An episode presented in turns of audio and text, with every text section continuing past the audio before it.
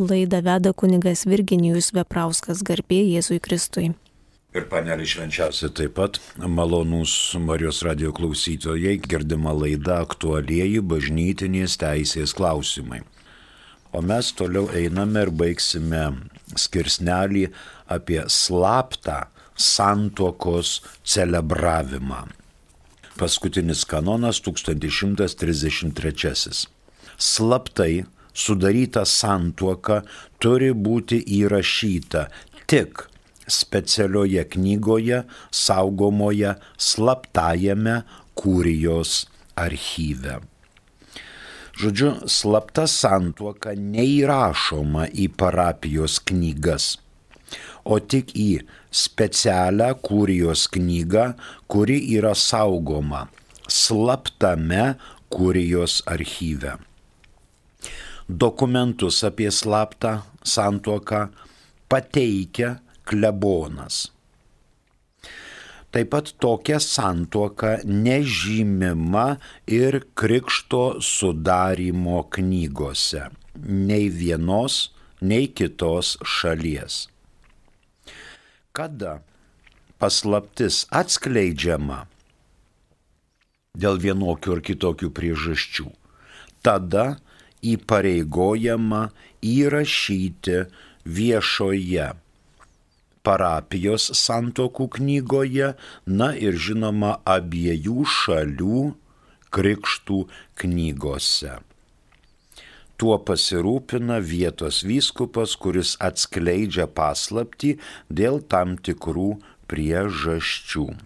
Viešo padarumo, arba kad jeigu sulaužomas sakramentinis anspaudas ir taip toliau. Tada vyskupas savo autoritetu kreipiasi arba, arba jo e, darbuotojai, kūrija, kancleris, generalvikaras, vyskupo vikaras kreipiasi į parapiją su raštu, kad ten būtų įrašyta santuoka, kuri jau yra išaiškėjusi. 1133 fiksuojame. Slaptai sudaryta santuoka turi būti įrašyta tik specialioje knygoje, saugomoje slaptajame kurijos archyve. Dabar santuokos padariniai. Aštuntasis skirsnis. Santuoka turi, kaip matote, dvigubą dėmenį.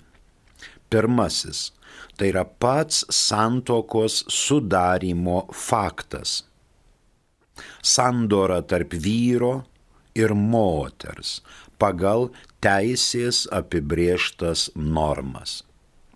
Ir antrasis dėmuo yra santokos testinumas. Santokinio gyvenimo tasa, bendruomenės būklė, santokinis sutikimas, prigimtinė teisė, įsipareigojimas gyventi drauge, kartu, bendruomenėje. Tai yra dieviškos teisės sakramentalumas. Iki 1133 kalbėjome apie santoko sudarimo faktą, o nuo 1134 apie santuokinės pasiekmes patiems sutuoktiniams ir jų galimiems palikuonėms. Taigi 1134. Iš galiojančios santuokos tarp sutuoktinių atsiranda savo prigimtimi amžinas ir išimtinis ryšys. Be to, krikščioniškoje santuokoje sutuoktiniai specialiu sakramentu sustiprinami ir tarsi pašventinami savo statuso pareigoms ir kilnumui. Čia matome dvi mintis. Pagrindinis vaisius santuokinio gyvenimo tai yra santuokinis ryšys.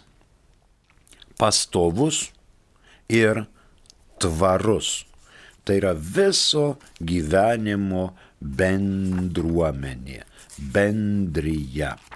mums į pagalbą gali ateiti 1055.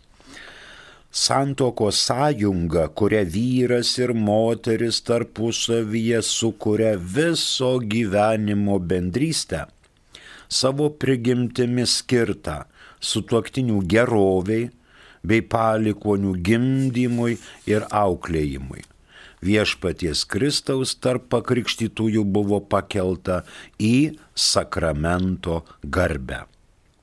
Todėl tarp pakrikštytųjų negali būti galiojančios santokinės sutarties, kuri kartu nebūtų sakramentas. Taigi ryšys, kai duodama ir prisijimama atitinkamas teisės ir pareigas. 1057. Santoka sudaroma šalių sutikimu, teisėtai pareikštų, teisiškai veiksnių asmenų. Jo atstoti negali jokia žmogiška gale.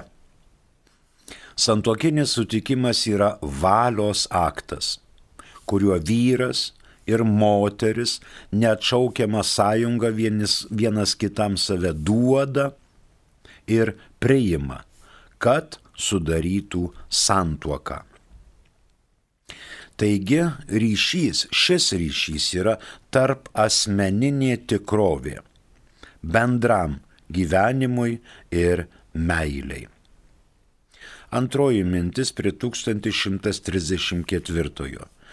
Tarp dviejų pakrikštytųjų asmenų tai visuomet yra sakramentas, kuris sustiprina abi šalis pareigoms vykdyti ir kilnumui, santokiniam kilnumui išgyventi galima žvilgterėti 1136 dėl vaikų auklėjimo. Tėvai turi ypač svarbę pareigą ir pirminę teisę visomis jėgomis rūpintis palikonių tiek fiziniu, tiek socialiniu ir kultūriniu, tiek moraliniu ir religiniu auklėjimu. 1134 pabaigėm fiksuojam. Iš galiojančios santokos tarp sutuoktinių atsiranda savo prigimtimi amžinas ir išimtinis ryšys. Be to, krikščioniškoje santokoje sutuoktiniai specialių sakramentų sustiprinami ir tarsi pašventinami savo statuso pareigoms ir kilnumui rytų kanonuose atitikmuo yra 776. Kitas 1135. Abu sutuoktiniai turi lygias pareigas ir teisės tam, kas priklauso santuokinio gyvenimo bendrystei. Santokinio gyvenimo bendruomenės statymė, kaip girdėjote, abu sutuoktiniai yra lygūs. Vienas kitą papildo, tobulėja, vienas kitam perteikia vertybės įvairių būdų. Abu turi lygias teisės ir pareigas nėra čia suprantama, kad viena privilegijuota šalis, o kita yra tokia vasalinė arba pavergta šalis. Ne, abi dvi šalys, tiek vyras, tiek moteris yra lygus. Nėra privilegijuotos šalies, be egoistinių nuostatų, abiejų lygios teisės, bendra abiejų atsakomybė už egzistavimą ir vystimąsi. Tai jau buvo aptinkama 1917 m. kanonų teisės kodekse 1111 kanone. Rytų kanonuose atitikmuo 776. 1135 fiksuojam. Abu sutuoktiniai turi lygias pareigas ir teisės tam, kas priklauso santuokinio gyvenimo bendrystei. E, mus pasiekė SMS žinutė, prašom. Gražina iš kėdainių mm. Garbėzui Kristui, ar galėtumėte paaiškinti man, kodėl prieš motinos dieną bažnyčiose yra renkamos aukos ir maldų intencijos už motinas? Pirma, kodėl reikia pasakyti intenciją, juk pati dalyvausiu mišiuose ir melsiuosi. Antra, koks turėtų būti aukos dydis. O kodėl jūs galvojate, gražina, kad prieš motinos dieną bažnyčioje yra renkamos aukos ir maldų intencijos už motinas. Ir prieš vėlinės, ir kiekvieną sekmadienį žmonės ateina ir prašo, kad būtų paskelta intencija ir būtų meldžiamasi. Jūs galite ateiti, žinoma, ir melstis savo intencija ir niekas jums nedraudžia, bet žmonės kartais nori, kad jų intencija būtų paskelbta viešai ir išgirstų visi dalyvaujantieji, ypatingai giminės suvažiavusi ten į metinės ar dar ką nors. Pavyzdžiui, motina mirė prieš 30 metų. Norim paminėti. Ir užprašom, renkamos aukos, taip ir maldos intencijų už motinas dabar, kur yra didžiulės parapijos, tai ten tarkim 15-20 minučių skaitoma Kunigas persižegnoja viešpat su jumis, na ir dabar pradėsim melstis. Jonas, Jonas, Jonas, du Petrai, penkios Stanislavos ir čia ir duoda, ir duoda penkiolika minučių. Ausys linksta, labai sunku susivokti, kuri čia intencija mano, kuri čia yra kaimyno, gal Jono metinės yra ir, ir kaimyno, ir mano, ir taip toliau. Tai yra bėdos. O dabar kodėl reikia pasakyti intenciją? Todėl, kad žmonės taip nori. Jeigu jūs pati dalyvausit mišiuose, jūs galite kiekvienose mišiuose dalyvauti ir melstis už mirusią motiną, už mirusį vyrą, už mirusius vaikus, už mirusius senelius, už mirusius bendradarbius, už kaimynus, už draugus, už tą e, gatvėje šios metus mirusius žmonės. Galima drąsiai melstis, niekas jūsų neverčia užsakyti mišių. Dabar koks turėtų būti aukos dydis? Čia jau priklauso nuo paties žmogaus. Matot, jeigu žmogus ateina, tarkim, tūkstantį žmonių bažnyčioje, taip, ir kiekvienas žmogus nori, kad jo intencija būtų paskaityta ir kiekvienas žmogus duoda po vieną eurą. Reiškia, tūkstantis intencijų tai ten jie drištva į rogės, tai tenais nuluš kunigo liežuvis, kol jisai visas tas intencijas pasakys. Todėl jeigu paprastesnė intencija, tai prašoma, kad žmonės dėtų į aukų dėžutę. Ir vieną kartą per savaitę arba vieną kartą per mėnesį atnašaujama auka aukotojų intencijomis kokios tik aukotų intencijos yra ir tą dieną vieną kartą per mėnesį ir per savaitę atnašaujama šventųjų mišių auka už aukotojų intencijas. Už gyvus, už mirusius, už sveikatą, už sėkmę moksle, už COVID, kad nuslinktų ir taip toliau. Taip kad aukos dydis turi būti, žinoma, aptariamas su klebonu.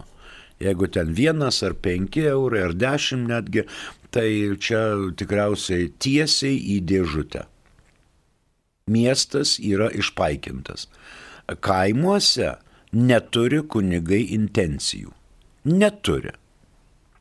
Ekscelencija, duokit intenciją. Neturiu. Iš kur aš tau duosiu? Nes matot, intencija pati neužlipa ant altoriaus, reikia parapijoje reziduoti ir laukti, kol žmonės užsakys šventų mišių auką. Ačiū kėdainiams, ačiū gražinai. O mes toliau eikime prie 1136 kanono.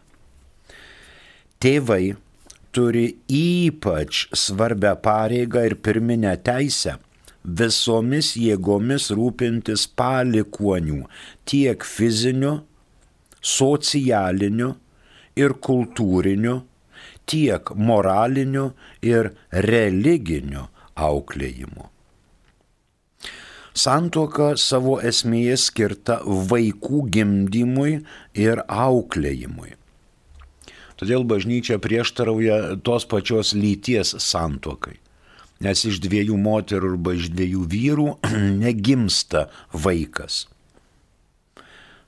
Palikonys gimsta tik iš vyro ir moters. Todėl santoka savo esmėje yra skirta vaikų gimdymui ir auklėjimui. Ir neužtenka vien tik tai gimdyti vaikus tiek civilinė, tiek bažnytinė valdžia turi šeimą remti ir ją palaikyti tuo klausimu. Nes šeima yra mažiausia tiek bažnyčios, tiek valstybės lastelė. Jeigu nebus gimimų, nebus vaikų, nebus valstybės ir bažnyčios ateities. Dabar vaikų ugdymui, kaip girdėjote, yra fizinė ugdymo ir auklėjimo pareiga - gimti gyvybę. Mums į pagalbą gali ateiti 1398 kanonas tas, kuris daro abortą, užsitraukia ekskomunikaliatė sentencijai abortai įvykus. Iškia tėvai turi ginti gyvybę, o ne šalinti ir žudyti gyvybę. Antrasis dalykas - socialinis auklėjimas.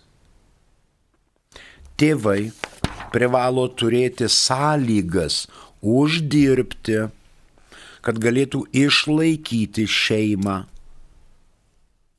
valgy, rūbą, gėrimą ne tik savo, vyrui ir žmonai, bet ir vaikams ir lavyboms, leisti į mokyklą, pirkti batukus, kedukus, sportinę aprangą, plaukimo aprangą, leisti vaiką į smūką, kuprinę, dviratį ir taip toliau.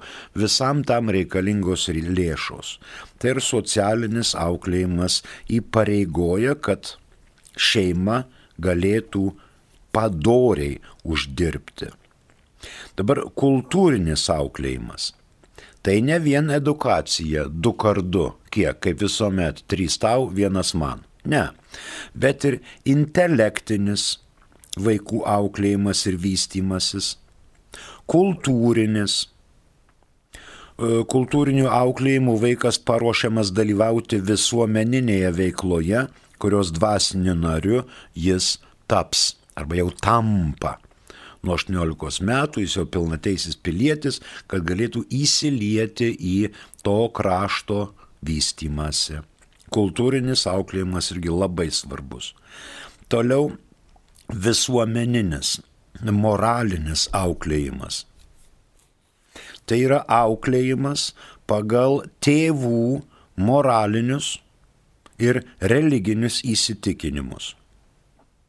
Įveda šeimą, vaiką į krikščioniško gyvenimo slėpinius mums jau į pagalbą atbėga 867 kanonas. Tėvai turi pareigą rūpintis, kad kūdikiai būtų pakrikštyti pirmosiomis savaitėmis, kuo greičiau po gimimo, ar net prieš jį turi nuvykti pas kleboną prašyti vaikui sakramento ir tinkamai jam pasirenkti. Jei kūdikis yra mirties pavojuje, turi būti pakrikštytas neatidėliojant. Kitas 914 kanonas, kuris taip pat įpareigoja tėvus.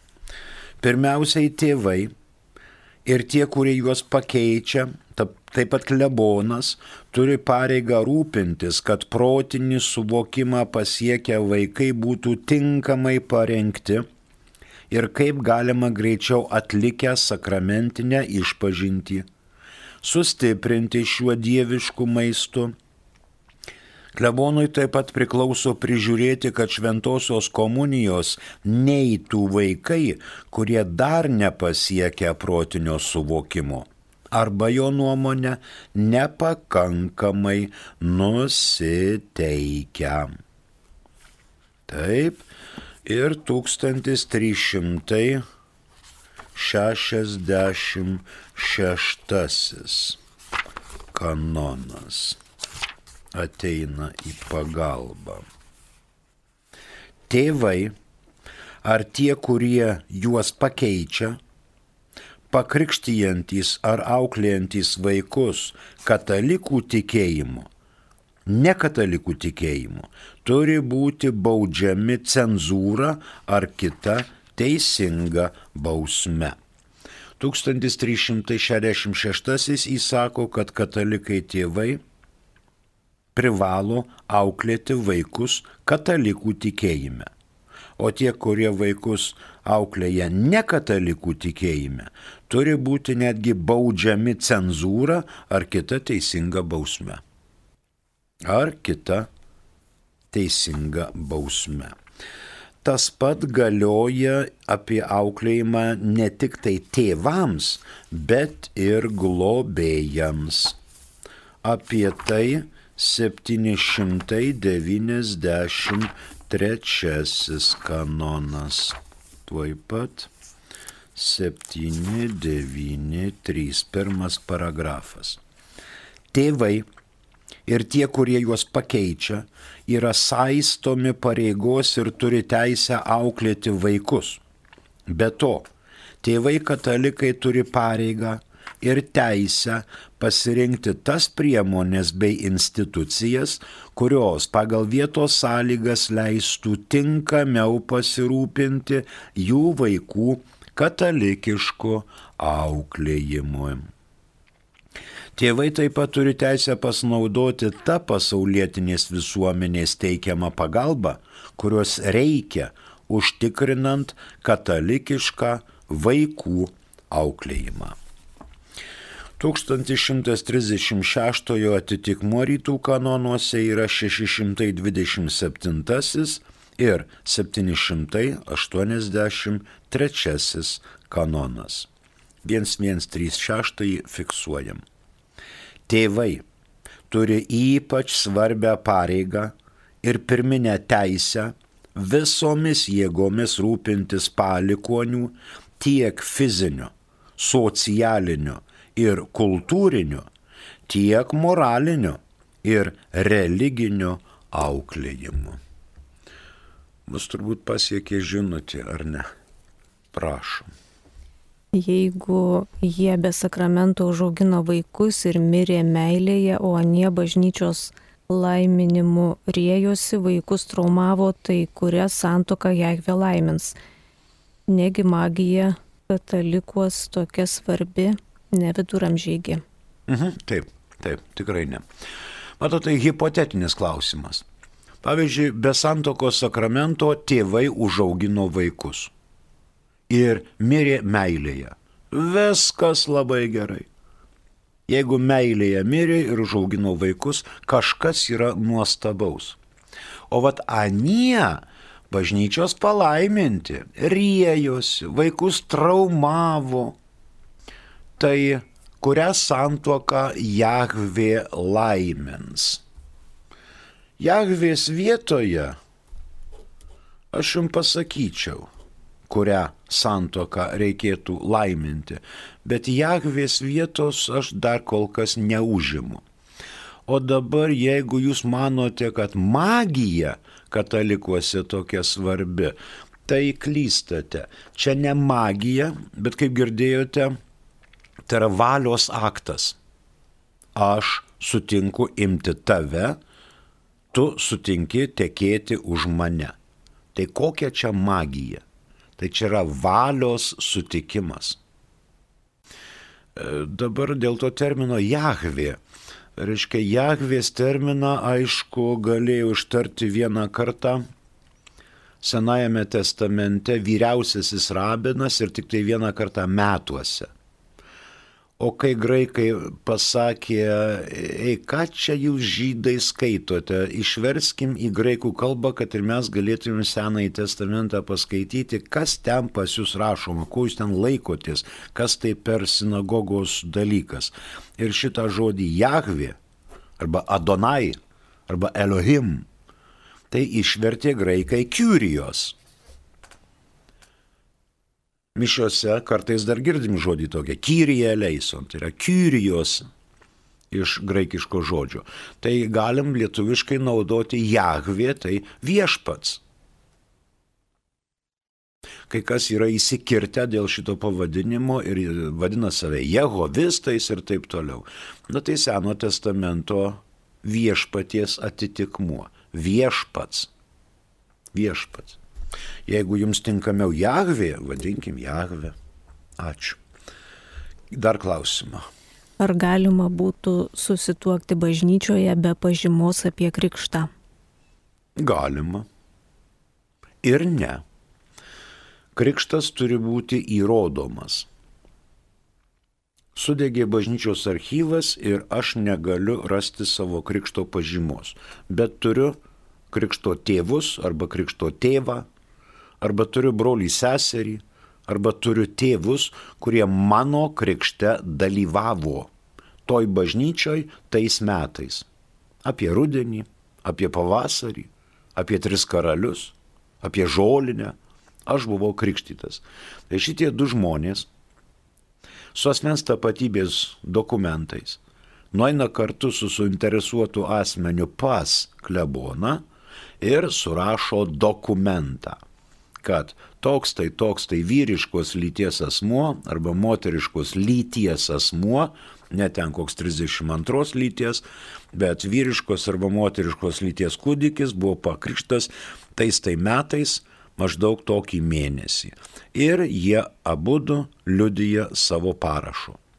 Šitos, šito dokumento pavyzdžių Klebonas rašo pažymą, kad remdamasis liudininkais, jisai tvirtina, kad tas žmogus buvo pakrikštytas. Kada? Maždaug vat tada. Ir tokia mm, pažyma tai nėra pažyma tvirtinanti patį e, krikšto datą, bet liudininkų parodymų. Tai va taip, jeigu neįmanoma rasti pažymos apie jūsų krikštą. Yra visokių variantų, reikia žiūrėti kiekvieno atveju, atveju atskirai. Ačiū. Dar vienas klausimas. Ar gali klebonas siūsti savo parapijos žmonės kalėdoti po kitą parapiją? Įdomus tas klebonas, kuris siunčia. Klebonas yra paskirtas klebonauti tam tikrame teritorinėme vienete, kuris vadinasi parapija parapija. Štai teritorija. Tas miškas, tas griovys, tie kaimai, čia priklauso tai parapijai, tu klebonė esi tos parapijos klebonas. Ir šitoj klebo parapijoje tu esi pareigotas kartą metuose aplankyti savus parapiečius. Ne pasiuntinukai, bet tu pats šventini namus, susipažįsti su padėtimi, vat šiais metais, kas ten pasikeitė, vaikai užaugo, vaikai gimė, įskleidė savo plačius galingus sparnus prieš gyvenimo vietras, jau išėjo iš to lizdelio ir taip toliau. Klebono pareiga yra asmeninė, pačiam arba per savo pavaduotojus, vikarus, altaristą, rezidentus ten besigydančius, bet nesiuntinėti žmonės. Kitas variantas - sudegė bažnyčia. Klebonas rašto raštus patikimiem žmonėm, kurie ant kaklo pasikabina cegelius ir sako, šitos lėšos renkamos baž, sudegusios bažnyčios atstatymui. Visi tuos žmonės pažįsta. Ir visi žino, kad tie pinigai surinkti ten nueis į bažnyčios statybą. Bet ne kokie atsitiktiniai, apsišaukėliai ir taip toliau. Sukčiai, nes yra labai ir tokių, kurie mėgsta kažkokios tai parapijos vardu miestuose mindžiotis lenkščius ir ieškoti pinigų nežinia kam. Tai antras dalykas. Trečias dalykas yra miestelis, tarkim, kuris ribojasi su trim parapijom. Ir miestelis yra džiugus. Jis priima ir vieną kleboną, ir antrą kleboną, ir trečią kleboną. Ne tuo pačiu metu žinoma.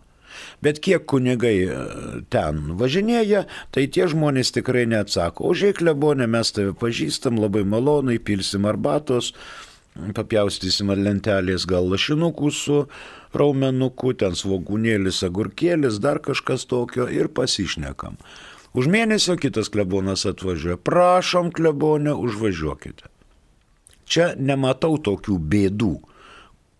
Kiekvienas klebonas kas vakarą turi vakariniauti vis kitoje šeimoje kad jis nesėdėtų prie savo altorėlio televizoriaus ir žiūrėtų čia visokias ten, kaip ten mirė, kaip ten gimė. Jis turi kvepėti avimis, kaip popiežius Pranciškus sako. Jis turi eiti, eiti ir eiti. Būti matomas, būti žinomas, būti kviečiamas. Eiti. O kalėdot klebonas siūsti žmonės į kitą parapiją, žinoma, negali. Ačiū už klausimą. Dar mes turim ką nors. Taip, dar vienas. Prašau. Ar gali vyskupas atimti iš kunigo titulus, pavyzdžiui, kanauninko? Gali, kadangi jis suteikė tą. Tik matot, reikia vėl žiūrėti, koks vyskupas. Ar vyskupas, kuris eina pareigas, ar vyskupas yra tas, kuris jau nebeeina pareigų atimti titulus, pavyzdžiui, kanauninko, gali tas vyskupas, kuris eina vietos ordinaro pareigas. Auxiliarai, pavaduotojai, koadjutoriai, vyskupo vikarai, generalvikarai nėra pajėgūs tą daryti. Nebent vietos ordinaras duoda nurodymą dekretėlį raštu, kad jūsų ekscelencija esat mano pavaduotojas, prašom pasirūpinti, kad tas ir tas mūsų viskupijos kanauninkas būtų painformuotas, kad jam atimamos pareigos, titulai ar panašiai. Tam reikalinga ir sušaukti kapitulą kanauninkų ir informuoti, dėl ko tam kunigui atimama, atimamas titulas. Kokia priežastis? Per daug naglas, per daug kandus, per daug šoka vyskupui į akis, per daug žiūri teisybės. Ar kokia priežastis? Dėl ko? Ir ne taip, kad vieną kartą sako, ekscelencija, tu pažiūrėk, ką čia darai nesąmonės, bet gali kanauninkas būti, reiškia, metų metus kokią stumę kokį nors reikalą, kuris jam atrodo teisingas, o vyskupas nekreipia dėmesio. Jis pradeda ten šiauštis, rašyti, įrodinėti, kad turėtų būti taip, o jūsų ekscelencija visai kitaip. Na, žinoma, vyskupas užsiknisa gal klausytis tų ir skaityti tų raštų ir vieną kartą su visokiais perspėjimais, įspėjimais, paskutiniais ten mm, pasikalbėjimais, sako, jeigu tu nesiliausi, tikrai bus, bus atimtas tau šitas titulas. Bet bažnyčia nesielgia taip, kad jau kažką padarai ir te tau sumasguoti per snukį. Taip nesielgia. Bažnyčia eina tokių įspėjimų, pokalbių keliu, pasišnekėjimų ir jeigu jau tave vyskupas kviečia ant pokalbio, taip sakant, ant pasikalbėjimo ir paaiškina, kur tu čia ir kas tau grėsia. Tada žinoma, kanauninkas gali šiauštis, kad aš teisus, aš kreipsiuos aukščiau, tu mane nežeminsi ekscelencija ir neniekinsi, aš vis tiek teisus, nu tada aišku įvyksta konfliktai. Paprasčiausiai vyskupas kanoninko titulą skyrė, kad ir miręs buvęs prieš kiek metų, o dabar esu aš ordinaras ir aš galiu atimti titulus. Bet tam turi būti pagrystai rimta priežastis. Nu tai tada mes turbūt ir pabaigėme mūsų laidą, su giliu liūdėsiu pranešame, kad Lietuvos Latvijos jėzuitų provincija jau nebeegzistuoja. Jėzuitai aišku optimizuojasi ir dabar sudaryta Rytų Europos jėzuitų provincija, į kurią įeina ir Lietuva. Austrija, Vokietija, Latvija, Švedija, Estija ir taip toliau.